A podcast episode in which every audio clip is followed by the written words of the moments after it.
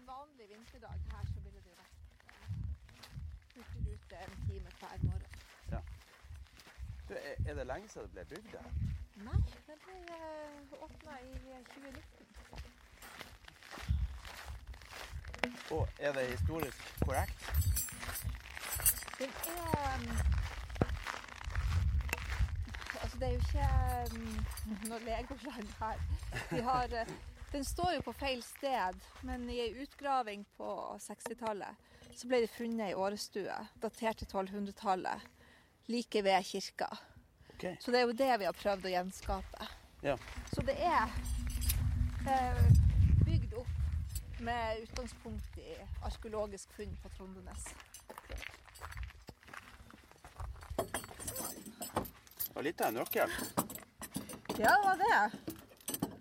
Se, jeg må Det bare var vanlig altså, at det var meg. som hadde nøkkelen på gården, var det ikke det? Ja, kvinnfolkene de får jo ikke ut noe sted. Så mannfolkene de var jo mest ute på havet. Det er forresten en bjørnelås. En bjørnelås. Ja. Men så har vi litt moderne greier som alarm. Det er alarm inni her. Yes.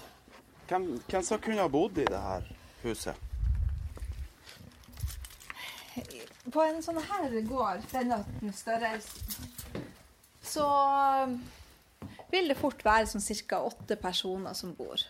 Okay. Altså husfrua, husbonden, ungene, tjenestejente, dreng. Ja. Og etter hvert når vi Nå har vi jo bare det vanlige lyset som er her, så det er litt grann mørkt. Ja. Men vi kan eh, jukse litt. Kan jukse. Skal, skal vi lukke døra, eller? Det kan vi godt gjøre også. Var bare greit med litt sånn der falskt lys i Ja. begynnelsen. Her. Se her, ja. Sånn. Oi, Da oi, ble oi. det litt eh, lettere å se noe. Ja. Ja. Hvor, hvor stort er dette rommet? Sånn cirka? Og vet du hva, nå 14-15 eh, Hvis du tenker Meter. kvadrat, så ble jeg nå litt usikker. Men eh, benkene er jo sånn at man s- kan jo se for seg at fire personer kan ligge på hver benk. Okay. I hvert fall på min høyde. Ja. Um, Det var jo, min høyde var vel eh, ganske vanlig på den tida. En mann på ca. 1,65 Ja. ville hatt ei gjennomsnittlig høyde. Og, og damen da en del eh, lavere. Ja. Sånn f.eks. som meg. Du, hva, hva er jobben din eh, her? Jeg er gårdsbestyrer. Og um, lager da opplegg med for besøkende arrangement, tar imot grupper. Blir både litt kontorarbeid og Jeg vil ikke kalle det for guiding, men for enkelhets skyld så kan vi kanskje kalle det for guiding. Ja. Så vi liker heller ordet formidling. Formidling. Ja. Og um, når vi formidler her, så går det da gjennom eh, karakterene vi har laga. Vi har altså Ok. laga en sånn falsk gårdshistorie, men som er relativt realistisk. Men vi har laga noen typer, da. F.eks. husfrua er veldig kristen.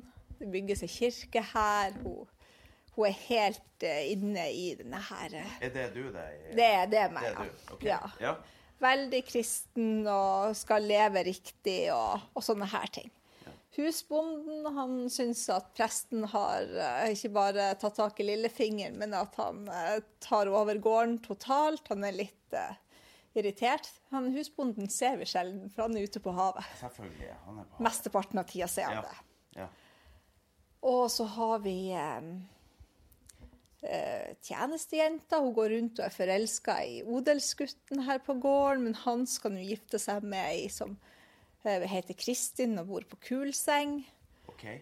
Og hun eh, tjenestejenta, hun, hun stopper ikke av den grunn. Hun prøver nå seg Ja. hele tida. Og så har de en hemmelighet som egentlig ingen skal vite, for hun er gravid.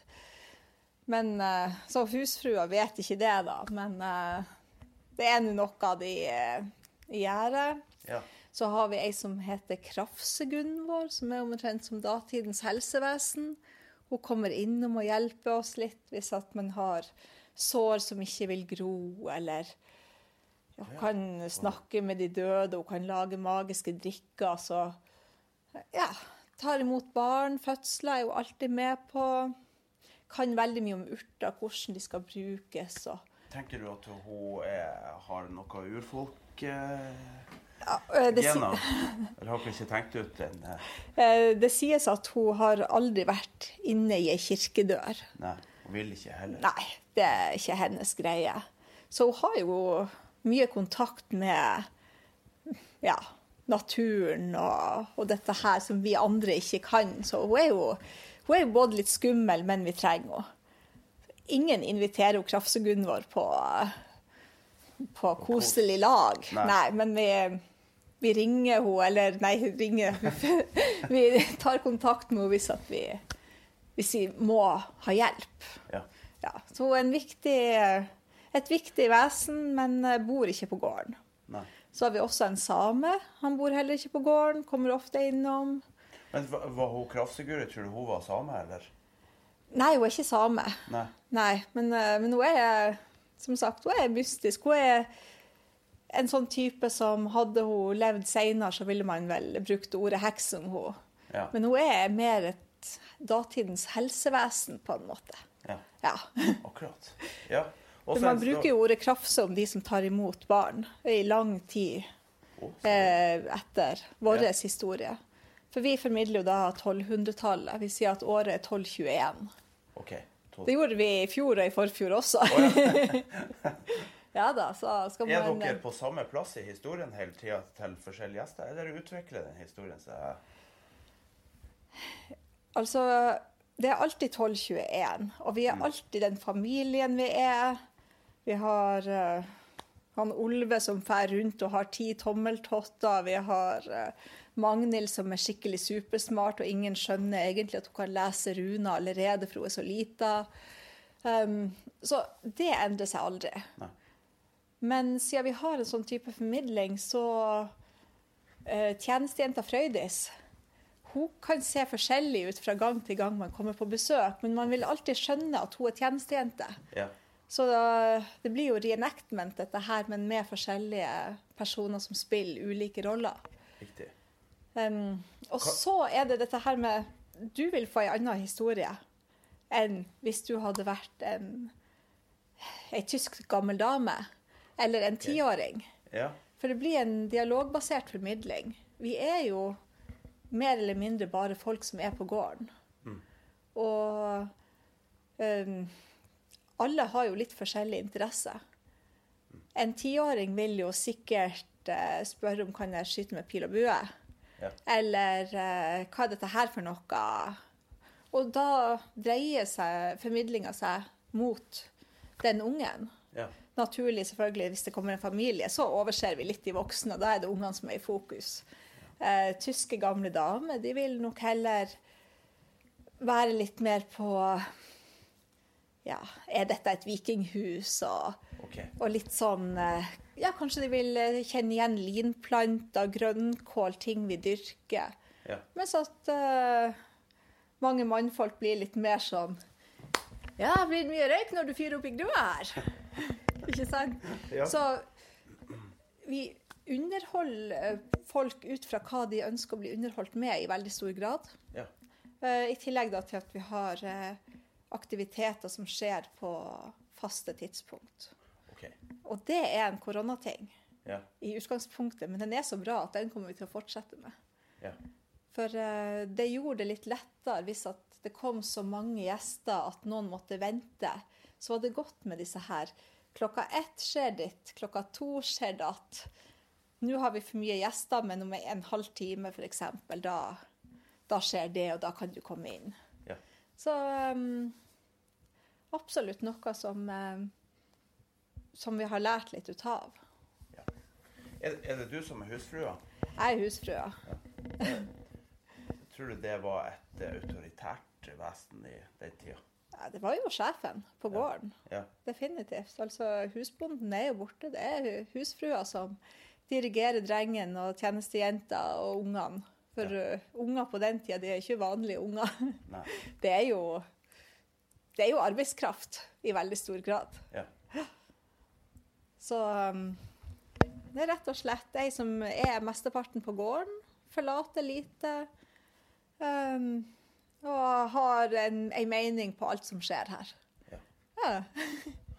Men det så, når- så når turistene kommer, så kan de, på, kan de på en måte bli med dere inn i den verden, eller må de være utafor og se på dere? Eller kan de snakke med dere? da? Når gjester kommer, så oppfordrer vi dem til å prate med oss. Det gjør de allerede når de kjøper billett. Ja. Og um, da får de vite at dette her er rollespill, året 1221, og gå gjerne og prate med dem. Mm.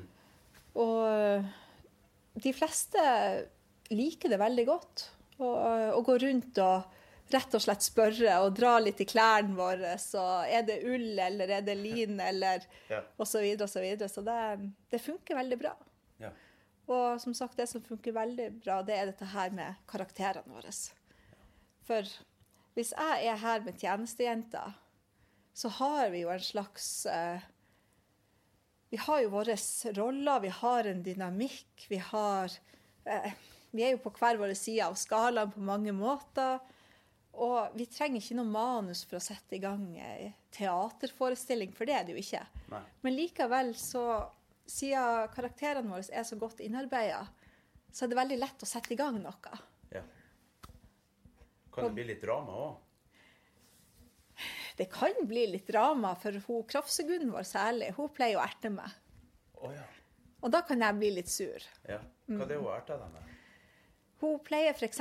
å si at eh, hvis vi har gjester, så pleier hun å si f.eks.: Ja, og de skal jo spise på nabogården, de skal ikke spise hos deg. Hvordan føles det? Så hun erter meg litt. Ja. Hun er ikke ordentlig sånn stygg, ikke sant? hun bannes ikke, eller noe sånt, men hun, hun klarer å, å treffe den nerven som gjør litt vondt. For husfrua har selvfølgelig lyst til å stelle i stand til litt sånn selskap og ja, fyre i grua og by på noe godt å spise, og så får hun det liksom inn at ja, de skal spise på nabogården, ja.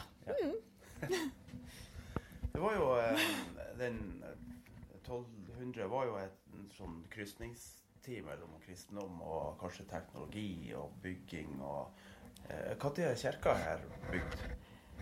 Eh, Kong Øysteins kirke, den ble bygd i 1114. OK. Og den holder vi på nå å sette opp på gården. Oh, ja. Så den eh, vil være mulig for folk å se i løpet av 2021. Men det er ikke den vi ser der. Nei, det, du tenker på steinkirka, ja. Ja. For den kirka jeg snakka om, det er den vi så vidt ser eh, grunnmuren på okay. her utafor. Ja, så den kom Um, før? og det er ei stavkirke. Aha. Ja. OK. Og eh, den kirka du tenker på, det er steinkirka. Ja. Og den ble påbegynt allerede i 1180, men ikke helt ferdig sånn som vi kjenner den i dag, før på 1400-tallet. Men eh, absolutt et kirkested som eh, var ganske unikt i vår region. ja. Det viser makt. Det gjør jo det. Det er jo De eh, kirker som dette ble jo ofte satt opp der det var viktige eh, viking, eh, vikinger som bodde. Ja. Og vi har jo en sånn historie på Trondenes med Asbjørn Selsbane. Ja. som uh, gjør at vi blir involvert i den kjekkeste delen av uh, kongesagaen, egentlig, når vi kommer til uh, slaget på Stiklestad. Ja. Og onkelen til uh, Asbjørn tar hevn og tar med seg selshevneren og tar, er med på å ta livet av Olav Digre. Og går da med reinkappe i, i dette slaget. Det er jo noe med dette her. Han har fått den her magiske kofta som eh, samene har gitt han, og den, er jo, den gjør jo at han ikke eh, kan drepes. Den er jo rett og slett så magisk at eh, den er jo godt berykta. Ja. Så jeg kan tenke meg at når Tore Hund kom med den kofta, så var det nok mange som egentlig ga opp før de hadde prøvd. ja. At man følte at å, har han den på seg, ja, men da har vi ikke sjans. Nei. Da er det bare å reise hjem. Ja. Ja. Det er noe med det. Det er litt av makt i disse historiene som eh, kan gå. Ja. Så mm, mm. Selv om den ikke var magisk, så ble den kanskje litt magisk. Det ble selvfølgelig det. Jeg tenker Den historien også viser jo det her samkvemmet mellom det samiske og kanskje det, det tidlige norrøne, og så inn mot kristendommen. da. Ja. Og det samiske, det, det spiller vi jo litt på her også på 1200-tallet. Ja. Og det er funn på Trondenes som eh, er utstilt på Trondenes historiske senter. Okay. Og dette her gårdsanlegget det er jo en del av Trondenes historiske senter, Ja. som skal hjelpe til å fortelle historier på en mer levende måte. Ja. Vi har jo ei historisk utstilling og et levende museum. For, for du har en same på gården her òg? Ikke i dag, men Nei, eh, ja, han, han bor ikke her, men han kommer innom. Ja, han kommer innom? Ja. OK. Han heter Mikkel, og han er han er en eh, fin type. Blant Ja. annet så fikk vi uh, gårdshunden vår gjennom han. For han skyldte oss en tjeneste, og da kan man eh, betale en sånn tjeneste med f.eks. en hund. Ja. Så lundehund, det, det har vi. Hun har nettopp fylt ett år, og hun eh, heter Idja, som er samisk, fordi at han Mikkel kalte henne for det Ja. før vi fikk henne. Har det en betydning? Ja, det betyr natt. Det Det var litt eh, Det var en vanskelig eh, fødsel, og når alt dette her var over, så var det et fantastisk nordlys. Okay. Og da, da kalte han henne for Idja. Ja. Egentlig så sier vel samene mer ofte at en hund heter hund. ja. Altså bare rope 'bena'. Bena. Ja, skal hund. Ja, ikke sant? Men hun her, hun, det var så unikt, så det ble, ble natt eller India. Akkurat. Ja. Og, og det er en ekte fysisk hund som Ja. kan være her?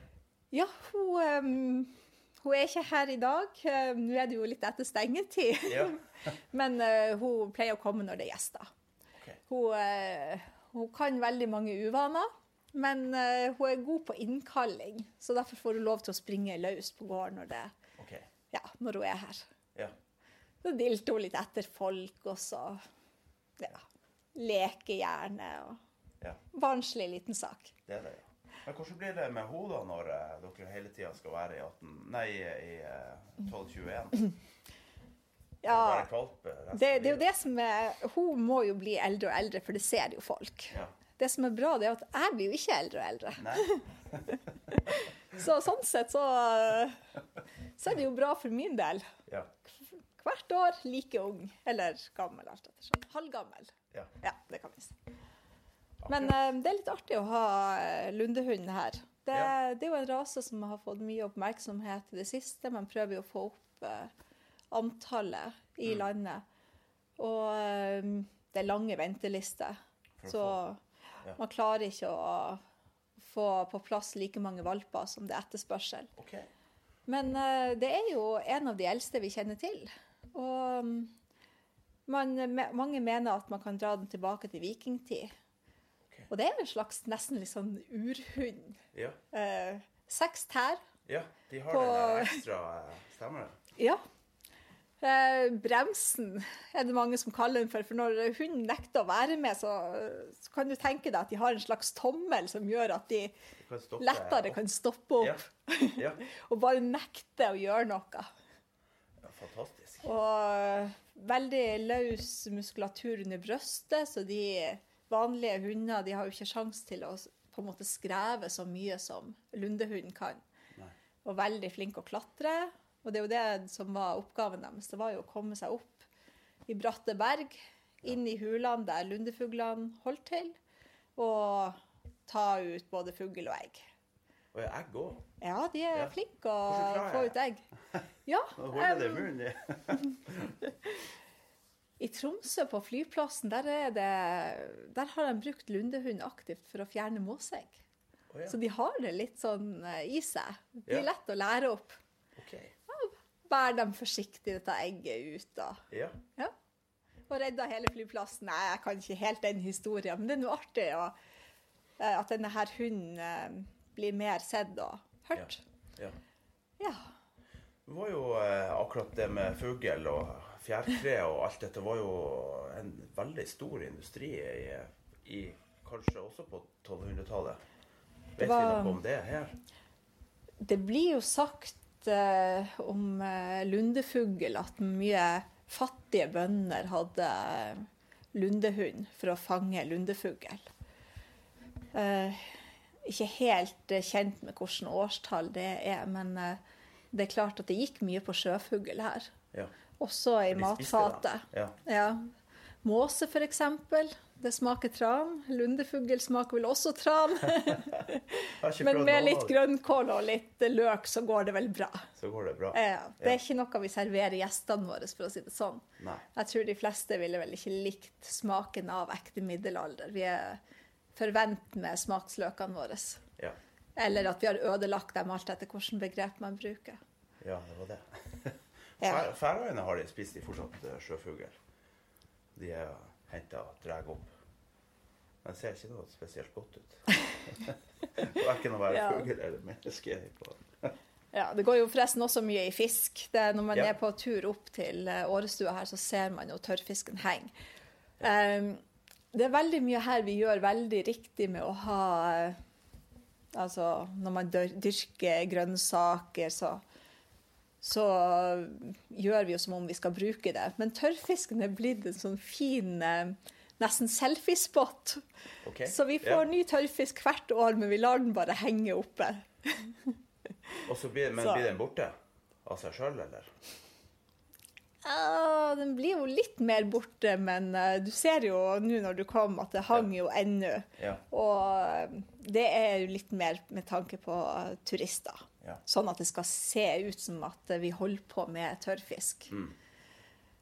Så um, ja, det går f.eks. noe tørrfisk til hund. ja riktig. Han liker Ja Er det da. hoa? Han Det er- det er hoa. Det er hoa, ja. Ja. ja. Så um, blir det jo av og til at man banker litt, og hvis det kommer ei gruppe og man føler at man skal gjøre litt ekstra. ja. Så noe blir borte, men noe henger på en måte hele tida der som er sånn, eh, nesten som ei utstilling.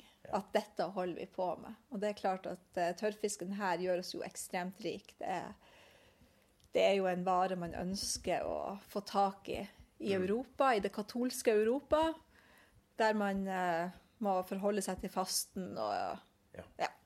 Da er eh, fisk fra Nord-Norge gull verdt. ja. Veier lite, skipet fylles opp, og så kan man kjøpe eksotiske krydder og sånt. La de den med å ha tomatsaus oppi og lage bacalao. Eh, hvis du spør hun Jorunn, så, så tror jeg kanskje svaret er ja. Men er litt sånn nei. det, det er din eh, Ja, det, Ja. det er hustrua, ja. Ja. En tørrfisklapskaus, eksempel. Det er jo godt. Det eh, veldig godt Ja. Den trenger ikke å være tomat. Så Nei. tomat kjenner vi jo ikke til her sånn egentlig, så Nei. Hun vet vel egentlig ikke hva hun snakker om, hun gjorde, når hun skal mene noe. Nei. Men eh, potet kjente du vel kanskje heller ikke? Nei da. Men eh, kål? Ja, det går, eh, det går mye i grønnkål. Ja. Grønnkålen er veldig fin med at du kan skjære av nå og da, og så står den så fint hele liksom, sensommeren, høsten, og til og med nå så går det jo an å Hvis den hadde vært under snø, og gravd den frem, OK. på en måte. Men Ja. uh, mm, den Dørker er dere flott. grø- grønnsaker her også? Ja, vi er Det er klart. Vi, må, vi, må må, ha, må ha noe å leve av. vi er jo åtte personer som bor her, vi må jo ha mat. Ja. Så vi har um, åkerlapper. eh, vi har også noe på åkerlappene som vi ikke spiser, og det er lin. Vi oh ja. ja. dyrker egen lin. og syns at det er en veldig fin ting å vise frem til publikum. Mm. Det er noe med det å så det, og det vokser, og det blir nydelige blå blomster, og så begynner vi å bearbeide med Ja.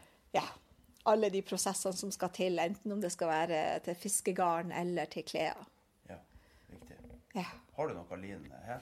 Det er de store buntene som står eh, borte i hjørnet, Ja. attmed hvitløken. Akkurat. Ja. Så det kan bli ei skjorte? Ja, tanken er fiskegarn, men ja, det kan bli ei skjorte. Ja, det beste man kan gå i, det er jo faktisk lin. Ja. Det er bedre enn ull.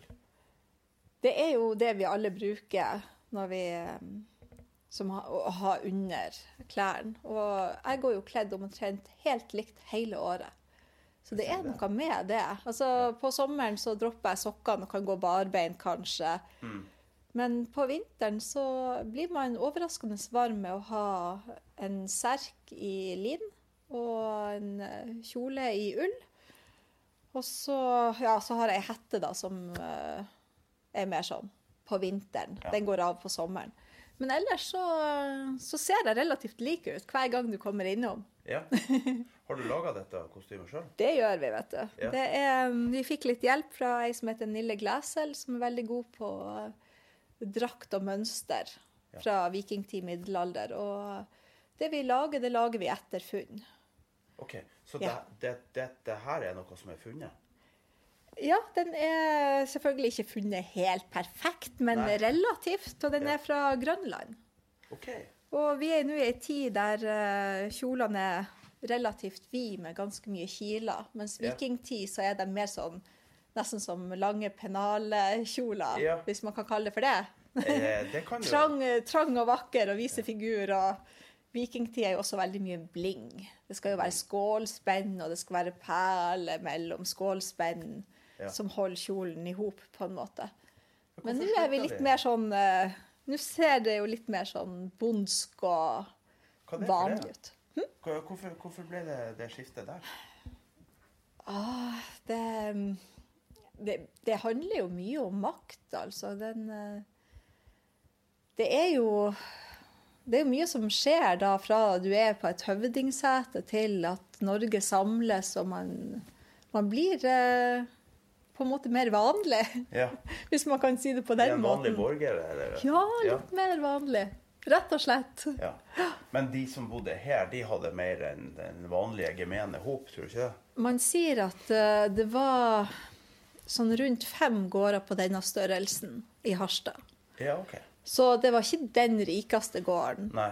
Uh, Vi er på en Hvis vi kan si en vanlig, men stor gård i Nord-Norge.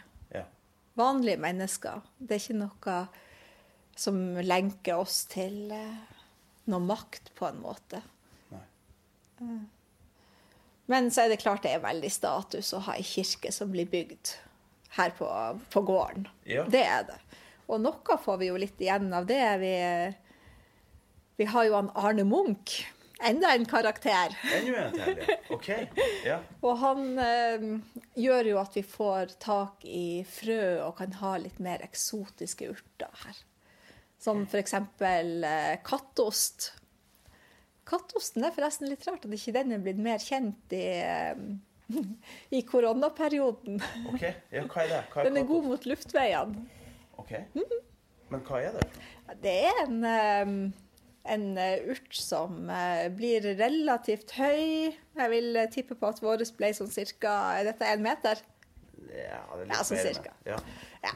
Og flotte lilla blomster på. Okay. Og store blader. Bladene kan man eh, dynke i kokende vann og legge på sår og eksem. og Ja. Det er nesten sånn smukk, og så er man mye bedre. Okay. Hvis Ja. damer har problemer med å amme, så kan de legge det på, på brystene. Og den på en måte leger det området som er under bladet, uansett liksom om det er sår, eller eksem eller melkeproduksjon. Ja. Men veldig god mot uh, luftveiene. OK. Ja, men da må vi jo få Ja. i litt katteost, da. Jeg lurer på om de vaksinen som kommer nå, er hakket bedre. Men, uh, men det var en uh, det er mange som har merka seg den som har vært på besøk hos oss i sommer. Og det var jo uh, ikke altfor mye utlendinger, sånn selvfølgelig. Nei. Men eh, det var bra besøkt av regionen, og det var en veldig artig ting. Ja. Og da snakka vi mye om urter, sånn bergmynte, som du vil kalle for oregano, timian Altså det er masse gode smaker her ute. Salvie, Ja. um, johannesurt. OK. Johannesurten, den eh, Der er jo Krafse-Gunvor og hun, eh, Jorunn husfrue veldig uenige. Ja. Fordi at eh, johannesurten er jo da Du hører jo dette bibelske navnet. Mm. Og urten gjør på en måte noe med sinnsstemninga. Den er veldig grei for å lette sånn mental eh, uro Så det er en antidepressiva? Ja, jeg vet ikke om jeg vil si det, men, men jeg ser for meg at eh, å ta noe sånt hvis man har litt mental uro, og så gå i kirka, da får man med seg Guds ord på en helt annen måte. Okay. Mens hun, eh, Krafse-Gunvor hun sier at dette er Odinsurt. For eh, guden Odin, det er en historie om det, ble angrepet av et dyr. og et, mm, litt blod for på bakken, og der bloddråpen eh, traff, der smukk spratt det opp en urt. Oi. Odinsurt. Ja. Det Så det er to navn på samme greie, men eh, samme egenskap for så vidt. Hvordan gikk eh, han her munken og K- Krafse-Bertha? eh, De har ikke truffet hverandre. Jeg tror, eh, jeg tror han Arne Munch er en sånn eh, Hva skal man si ah, Konfliktsky, kanskje. Ja. Litt, han, han, har bare, han holder seg bare unna. Han har sikkert sett henne litt sånn langt borte, men det er ikke noe sånn 'Hei, jeg heter Arne'. Nei. Nei. Har, hvordan går hun kledd? Har hun Hun eldre Krafse-Gunn vår, hun eh, Hun går litt sånn Hun er litt sånn skitten av seg. Hun har ofte litt sånn sot i fjeset og jord under neglene, og hun er ikke så nøye på dette her. Er, er det så smart når hun skal ta imot babyer? Det har jo gått bra hittil, så noe gjør hun rett likevel. Men uh, hun er litt sånn shabby, på en måte. Og, Hun er det, ja. ja, og så er det jo klart at hun får jo litt gaver for at hun gjør tjenester. Så, så hun er ikke fattig, men hun er heller ikke sånn Hun kan ikke bli tatt for å være husfrue, på en måte. Hun, hun ser litt sånn uh, skitten ut. ja. Ja. Jeg har, jeg har, ikke noe peiling på opprinnelsen hennes. Altså, hvordan kom den ideen om henne opp? Jeg syns hun er den mest spennende. Ja, og kraftsekundet var det eh, mange som syns at hun er den mest spennende på gården, og så bor hun ikke på gården. Men eh, heldigvis kommer hun ofte innom. Ja. Snakke om litt eh, einelåg og litt forskjellig, og hun har mange meninger om hvordan man kan eh, kurere og fikse egentlig alt. Ja. Um, nei, altså det, det finnes jo sånne personer. Ja. Rett og slett. Altså, vi har eh, Eller du har sykehus og legevakt og alt dette her, og de på gården her, de har jo kraftseguden vår. ja. Men tro, jeg, eh, jeg får en sånn følelse av at jeg tror, hun driver med seid. Om å drive med. Med seid. Eh, altså Vi vet vel ikke alt hun holder på med eller ikke, men hun kan altså snakke med døde, hun kan lage magiske drikker. Og, Ja. og hvordan hun får ting til å funke, det tror jeg er hennes eh, hemmelighet. ja. Han høres ut som en, som en seidkvinne, altså. Som Ja. kanskje har overlevd den gamle Ja, kanskje, kanskje. Magisk og mystisk og veldig viktig i alle fall. Ja. Ja. Du, hva, når du er her og holder på, hva er Ja. liksom de typiske tingene som husfrua holder på med inne her, som folk kan se at du, at du gjør? Eh, Det mest synlige må vel være oppstavveven. Okay. Og veldig ofte så um, er det litt imponerende hvor mye jobb det tar å lage noe Altså om det er et seil, eller om det er en kjole. Så f.eks. den kjolen jeg har på meg nå, hvis jeg skulle eh, lagd den av den type renning som jeg har her, så trenger jeg seks meter. Og hvis jeg vever relativt bra, så vever jeg bare 20 cm per dag. Og når man da begynner med mattestykket om hvor lang tid, hvis jeg bare gjør denne ene tingen og skal lage meg en kjole, hvor lang tid trenger jeg? Da, da er det ganske mye. Ja. Og sånn, jeg vil si at eh, under to måneder, det klarer jeg ikke. Nei. Så, men da setter man mer pris på klærne og Jeg tror veldig mange gjester som kommer inn hit og tenker liksom på en genser på 199 på Hennes og Maurits at Oi, hva hvis at jeg hadde levd på 1200-tallet og måtte lage dette her sjøl? Ja. Så da begynner jeg gjerne ofte med at vi har eh, ull stående fremme. Uh, uvaska saueull. Og begynner å spinne den. Vise, demonstrere litt hvordan det er å spinne på håndtegn. Og så begynne å forklare at hvis dette her skal bli totrådsgarn, så må jeg ha en til, og så må vi snurre disse her i hop. ja. Den til høyre, den til høyre, begge til venstre. Og selv da så tror jeg folk syns at oi, dette her var nå litt komplisert. Og så begynne å tenke på renninga som skal settes opp. Cirka hvor mange tråder er det, hvor mange centimeter. Og så denne her lange tida det tar da å, å veve. Og denne her den er farga med krapp, altså plantefarger. Ja. Og det er jo også en handelsvare. Det er jo ikke bare noe du kan fære ut i skogen og plukke. Og da er det jo både en kostnad, og det er jo Det er jo mye mengder som skal til også for å farge med krapp såpass mye som det vi har her. Ja. Så det er jo litt status med farger, Ja. alt etter hva man har. Sjøl så har jeg bjørkeblad med litt jern i, som blir litt sånn gulgrønn. Gulgrønn. Elsker den fargen, men den er ikke den dyreste. Nei. For å si det sånn, det går på rødt og blått, som er de som er vanskeligere å lage. Okay. Du, er, er, det, er det funnet en sånn her type vev? Vet man at det har vært Oppstavvev var den vanligste typen. Ja. Ja, og det er også tidligere enn 1200-tallet. Og det som er litt eh, slitsomt med den, det er egentlig at du må slå oppover. For moderne vever så får du innslaget mot deg. Ja, sånn, ja. ja. Og det er, det er litt slitsomt å stå og veve her, faktisk, og Ja. slå oppover.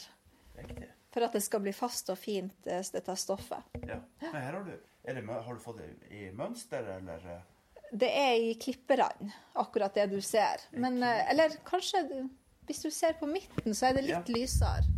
Og det er bevisst, ja. Det er ca. 7-8 cm med litt lysere krappfarge. Okay. Og den Og så er det da telt opp når vi skal klippe. Så dette her er da der det skal klippes. ok. Så du ser det er ganske tight og fint her. Ja. Men uh, derfor tar det også lang tid. ja. Blir, skal det også bli en kjole? Det var det som var tanken. Den, uh, men uh, vi jobber ikke med den hver dag, så det tar godt over to måneder, for å si det sånn. Ja. Ja. Den her har vi nok som prosjekt i, til sommeren også. Men ellers er det jo sånn at vi, vi gjør jo forskjellige ting hele tida. Eh, folk som har besøkt oss på ett tidspunkt, vil nok føle at vi gjør noe helt annet neste gang de kommer. Har de lyst til å delta og prøve sjøl? Det Ja, det er, det er forskjellig. Ja. Eh, Tiåringer syns ikke dette her med oppstavveven er så artig. Nei. Men eh, voksne med vevsverdet, ja. Ja. Em, det er jo mange som har lyst til å prøve. Mm. Og uh, vi gleder oss jo til at uh, koronaen er over, sånn at det går an å ta på flere ting. Ja. Så det som uh, vi har av aktiviteter, eller hadde i 2020, det var jo med tanke på at det skulle være trygt. Med tanke på smitte, altså. Ja. Så da var det litt mindre muligheter enn i 2019. Ja. Men Hvor mange mennesker er det som, som kommer innom her på et normalår? Ja, vet du hva, vi var jo helt nye i, eh, i 2019. Og det er klart at da kommer det jo ganske mange når det er nytt. Ja. Eh, Men de vi har absolutt flest av, det er hurtigruteturistene.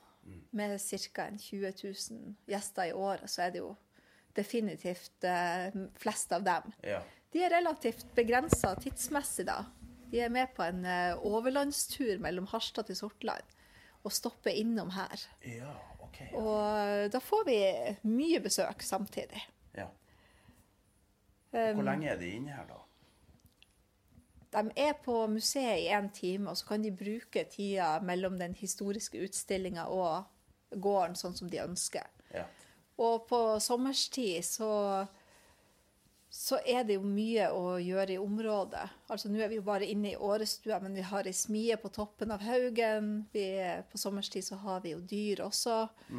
Og det er det noe med dette her med dyr. Ja. Man har jo sett en gris før, men det er noe artig når han er så nær. Absolutt. Og vi hadde ullgriser også. Ullgriser oh, ja, er jo litt sånn eh, spesielle i utseendet. Ja, de er jo det. Det er ikke noe sånn som du ser kjempeofte, kanskje. Nei. Og hønene, de er De er sammen med grisene. Men gjerdet er jo såpass lavt at uh, det er type islandshøns. De er veldig Jeg vet ikke om jeg skal si spretten, men de kommer seg veldig lett over. Ja. Og det er helt greit. De går ikke langt. Nei. Og lundehund jager dem Det var tilbake. det jeg for han, så han tar dem ikke? Har ikke klart det ennå, eller prøvd. Ja, det, men spring litt etter dem, definitivt. Så de passer nok på. når de hopper ut, at det kommer det en hund, så får de tilbake. De vet hvor de er trygge. Ja. Eh, Så de ferder rundt, og så napper de litt på f.eks. byggen vår. De syns jo det er veldig artig å småspise litt i Ja, hagen. selvfølgelig. Det er klart. Så de har det bra. Ja. Den der eh, eh, byggen, hadde de bygg her på, på bruket? eller? Ja, vi har bygg her, ja. Ja, Vi har toradsbygg og seksradsbygg. Og Okay. ja, brukes til forskjellige ting. Ja. Som- Både mat og øl, altså. og- ja. Ja. Ja. Så Litt forskjell på det. kan vi tro at de fikk det til å vokse her? Ja, nei, det er ingen problem å ha bygg her. Nei. På den tida òg? 1200-tallet? Da var det jo varmere. Da var det varmere? Ja, det okay. var eh, sånn ca. fem grader varmere enn det er i dag. Ja. Så ingen problem med, med det som vokser i dag, at det også var eh, her på, eh, på vanlige gårder på 1200-tallet, altså. Ja. Eh, Mange syns jo også det er litt rart med lin, men det er klart at eh, den, den vokser også veldig fint. Disse her to årene vi har hatt den på gården, men de har også vi juksa litt, så vi begynte litt tidlig med lin for å se litt hva vi kunne gjøre, og hvordan den trivdes. Og Ja. hadde litt sånne her eh, små flekker her og der. Og, ja.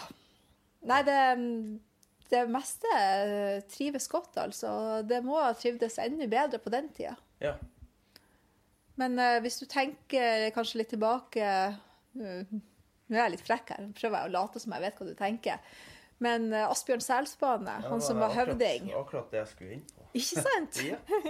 Så du var ikke frekk, var bare smart. Det er bra. Ja.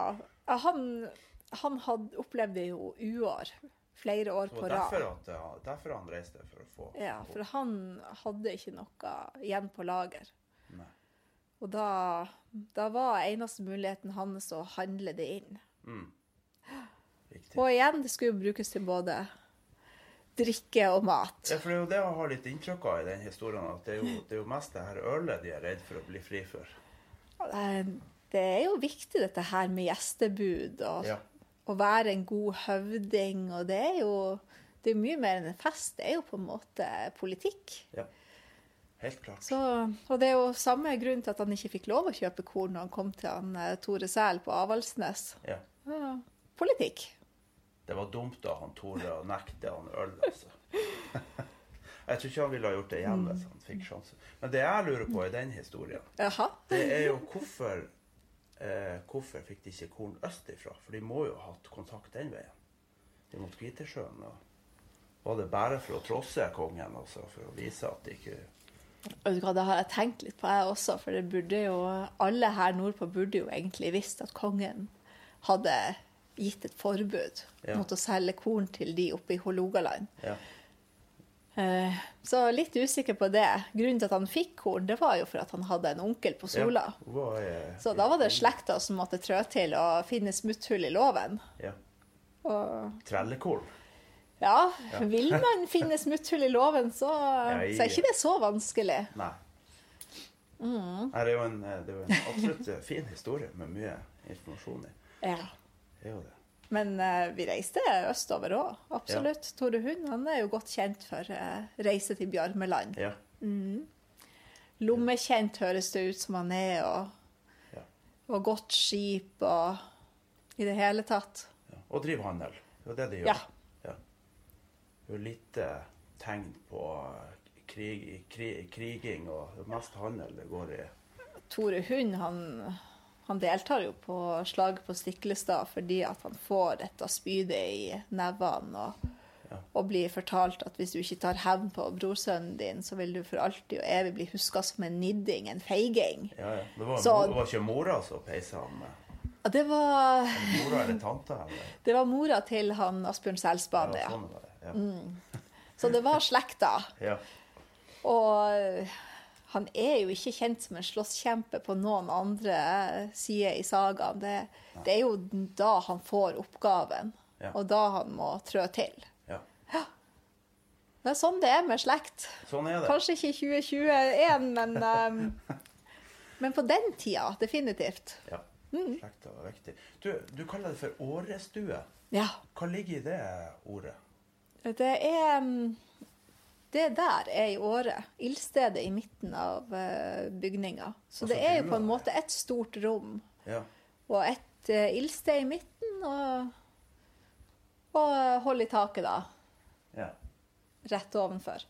Så dette her er jo samlingspunktet uansett om man eh, Hva man gjør. For dette rommet er jo på en måte både soverom og kjøkken og arbeidsstue og i det hele tatt. ja. Lagde de mat eh, rundt grua? Ja, det er mm, Denne her tingen som står over grua, det er gjøya. Ja. det gjør jo at man kan henge gryte i de skjæringene som, eh, som henger over. Ja. Så kan man vri etter hvert om man eh, nesten vil ha den på, på varme tre eller seks. Alt ettersom. Ja, det hørtes litt dumt ut, men uh, gir masse er muligheter for å lage mat her. ja. Ja. Og kvernstein for å uh, lage mel.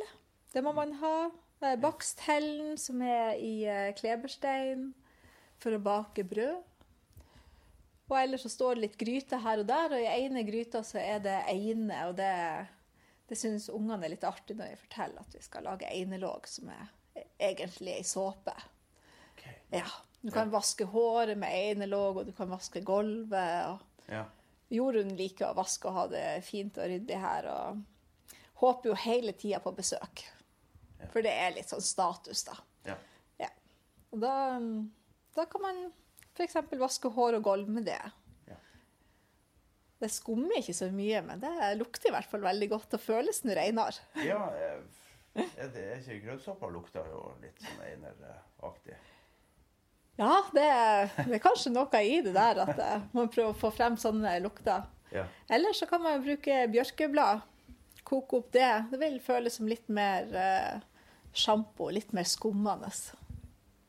Når du er ferdig her eh, for dagen, slipper du jo Jorunn og når du drar hjem? Er du helt tilbake i 2021, eller? eh, Jeg har ei søster som erter meg litt, for hun syns at eh, det er litt mye Jorunn hjemme hos meg også. Det er det, ja.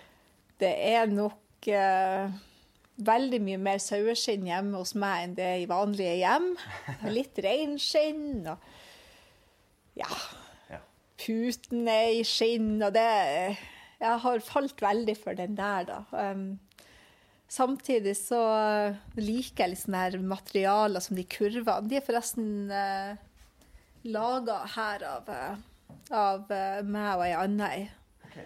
Hva, har hva dere laga de med? Hva dere bruker til? Der uh, juksa vi vel på en måte, for vi kjøpte pil som kom ferdig okay. i tjukkelse og farger og så. Så eh, etter hvert nå så skal eh, vi prøve litt mer med det som bare er rundt. For Ja. det finnes jo så mye fine, lange skudd som eh, vokser her naturlig. Ja. Og i stedet for å kjøpe disse her som nesten er litt for rett. Så det, det gleder jeg meg litt til. Ja. Men for en nybegynner så er det veldig greit å kjøpe ferdig. Sånn hyllemeter med pil, omtrent. Ja. Det er veldig bra. Så, og så har vi hatt kurs i det. Uh, pilflettekurs. Okay. Det, det går en del på kurs. Uh, bak her så er det også eh, fiskeskinn. Ja. Og det er også noe vi hadde kurs i. Hva dere bruker det til? Det er eh, ganske sterkt. Og dette her tenker vi eh, skal brukes til reime.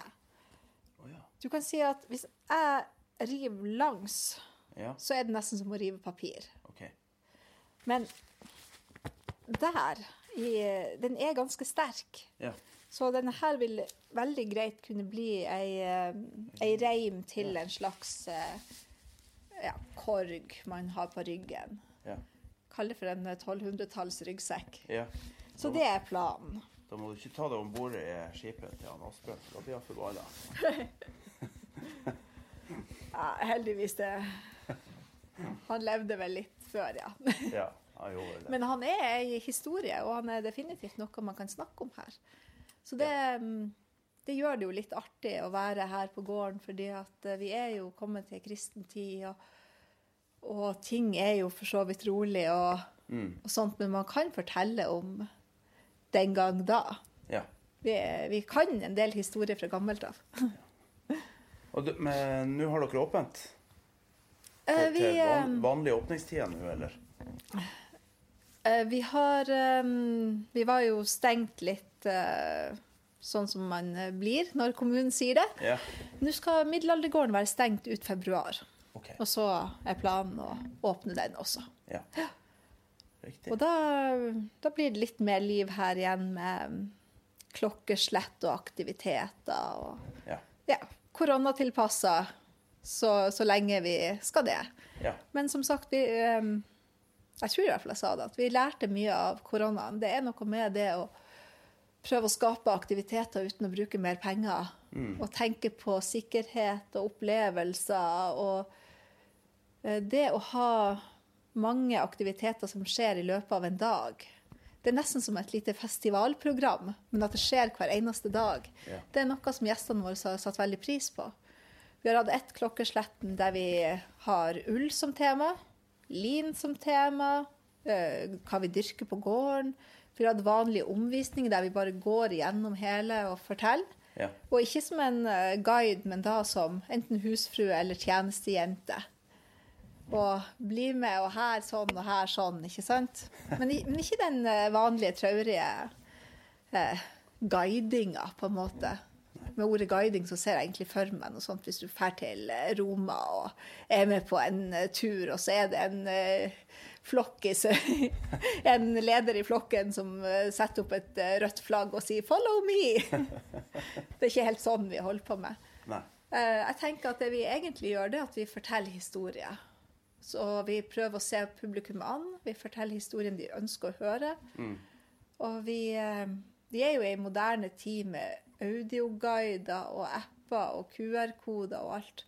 Men dette her å bare fortelle historier fra ett menneske til et annet, det, det føles veldig godt. Og det tror jeg veldig mange av gjestene våre setter pris på. Planning for your next trip? Elevate your travel style with Quince. Quince has all the jet setting essentials you'll want for your next getaway, like European linen, premium luggage options, buttery soft Italian leather bags, and so much more. And is all priced at 50 to 80% less than similar brands. Plus, Quince only works with factories that use safe and ethical manufacturing practices. Pack your bags with high-quality essentials you'll be wearing for vacations to come with Quince. Go to quince.com slash pack for free shipping and 365-day returns.